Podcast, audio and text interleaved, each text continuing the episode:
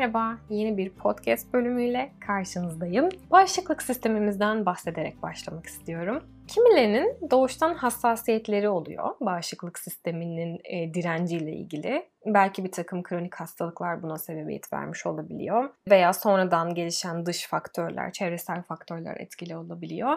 Ama bebeklikten itibaren daha hassas olduğunu bildiğimiz bazı bünyeler, e, yapılar olabiliyor. Hatta okula böyle yeni başlayan çocuklarda e, çok hastalık evresidir o. Vücut bir takım işte virüslere alışana kadar çok sık hastalanır çocuklar. Ve kimileri böyle bakarsınız aslında birkaç hastalık geçirir ve çok hızlı da toparlar, direnci yükselir. Kimileri böyle sene boyunca okula başladığı ilk sene o hastalıktan e, kurtulamazlar. Elbette ki burada genetik faktörler etkili, beslenme, uyku düzeni etkili. O çocuğun daha önce çevreyle çok fazla temas edip etmemesi ile ilgili çok fazla şey var. Hatta kalıtımsal olarak da e, birçok benim şu an sayamayacağım da elbette ki etkili çok şey vardır. Yani aslında burada temel olarak şunu biliyoruz ki Hepimizin bağışıklık sistemi birbirinden çok farklı. Kiminin hassasiyet gösterdiği şeylere kimisi hassasiyet göstermeyebiliyor. Kimisinin iki haftada atlattığı şeyi kimisi iki ay atlatamayabiliyor.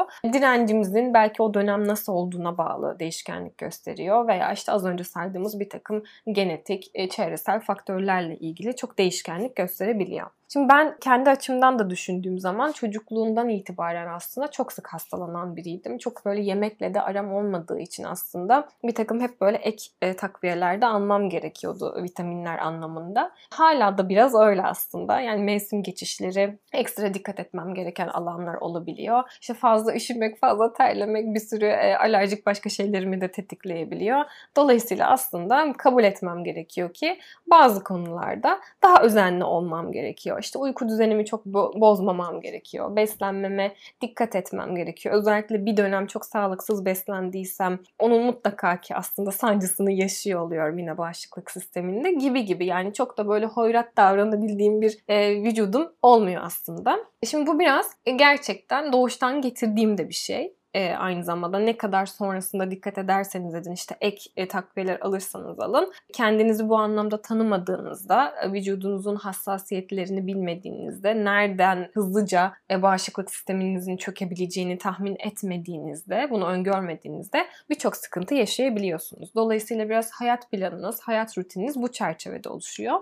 Ve bunu inkar etmenin çok da büyük bir e, faydası yok size. Aksine çok dezavantajı var. Şimdi bağışıklık sistemi üzerinden aslında böyle ruhsal sağlığımızın bağışıklık sistemi üzerinde de biraz düşünmek gerektiğini düşünüyorum son zamanlarda. Çünkü kimimizin bazı esneklikleri gerçekten doğuştan oluyor. Yani doğası gereği daha çözüm odaklı olan, daha e, neşeli olan birçok insana rastlayabiliyorsunuz. Aynı evde yaşayan, aynı olaylara maruz kalan kişilerin dahi durumlara aynı savunma mekanizmaları geliştirmediğini, hayattaki konumlarının, bakış açılarının birbirinden çok farklı olduğunu görebiliyoruz. Bunu sadece dolayısıyla kalıtımla açıklamak, çevreyle açıklamak e, çok zor. Tek düze bir yerden bakıyor olmak çok zor. Ama biz nasıl ki bir kişiye direnci düşüyor diye fizyolojik olarak işte C vitamini takviyesi çok fazla aldığı için istirahat etmeye, işte üşümeye, terlemeye çok fazla dikkat ettiği için onu anormal e, bulmuyorsak bazı durumlarda ruhsal olarak da çöküşlerde kiminin daha e, direncinin yüksek olduğuna, kiminin daha düşük olduğuna aslında şaşırmamamız gerekiyor.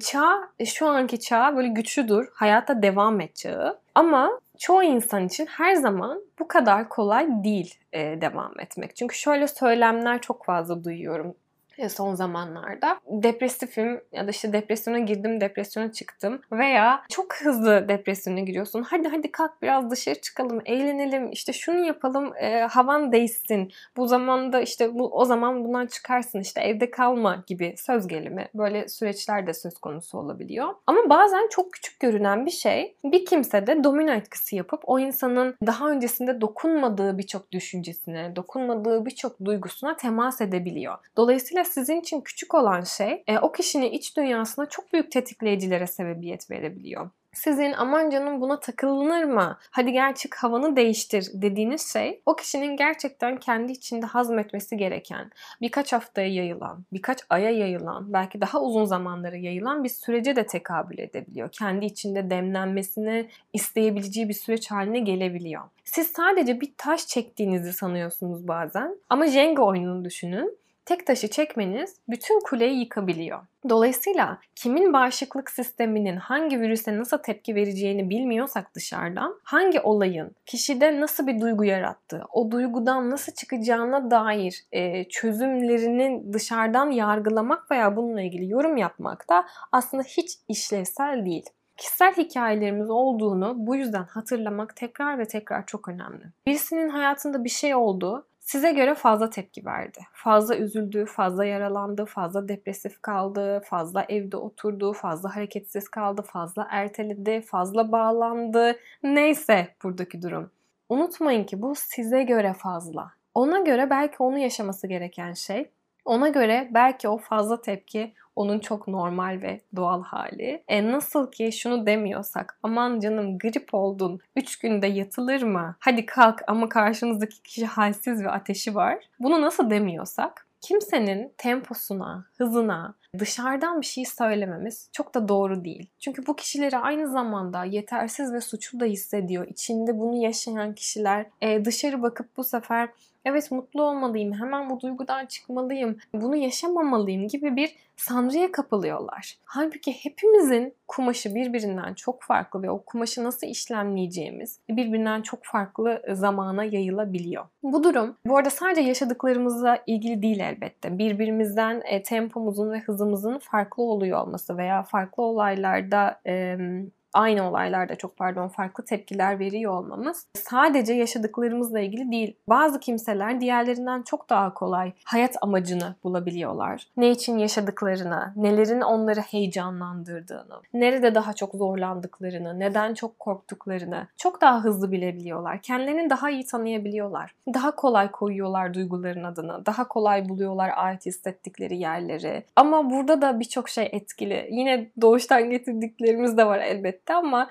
yaşadığımız yol, geçtiğimiz zaman dilimi, içinde bulunduğumuz duygu durumu, ilişkiler, ebeveynlerimiz e, o kadar çok şey var ki etkili olan aslında. Dolayısıyla birisinin çok rahat kendine ait hissettiği bir yerin e, diğeri senelerce belki bulamayabiliyor e, oradaki hissi tamamlamak için. Çok güzel şarkı sözleri yazdığınızı düşünün ama nakarat bölümü eksik.